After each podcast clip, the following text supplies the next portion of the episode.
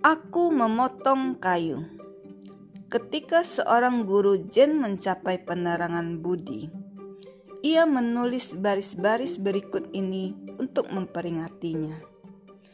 Wahai keajaiban yang mengagumkan, aku memotong kayu, aku menimba air dari sumur. Bagi kebanyakan orang, tidak ada sesuatu yang mengagumkan dalam perbuatan sehari-hari seperti menimba air dari sumur atau memotong kayu. Sesudah penerangan budi, sebetulnya tidak ada sesuatu pun yang berubah. Segala sesuatu tetap sama. Hanya saja, sejak saat itu hatimu penuh dengan rasa kagum. Pohon masih tetap pohon.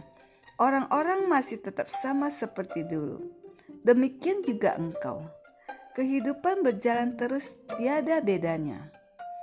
Mungkin kamu masih pemurung atau pemarah, penuh pertimbangan atau gegabah, sama seperti sebelumnya. Tetapi ada satu perbedaan besar. Sekarang semuanya itu kau lihat dengan mata yang berbeda. Engkau semakin terlepas dari semuanya, dan hatimu penuh dengan rasa kagum. Inilah inti dari kontemplasi.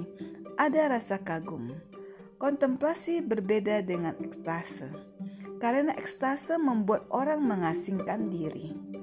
Seorang kontemplatif yang telah mendapatkan penerangan budi tetap akan memotong kayu atau menimba air dari sumur.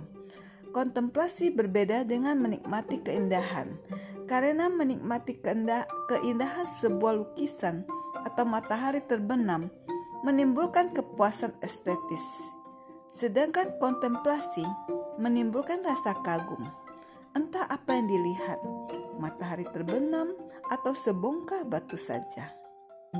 Inilah keistimewaan yang terdapat pada anak kecil. Sering ia merasa kagum, maka selayaknya ia masuk ke dalam kerajaan surga.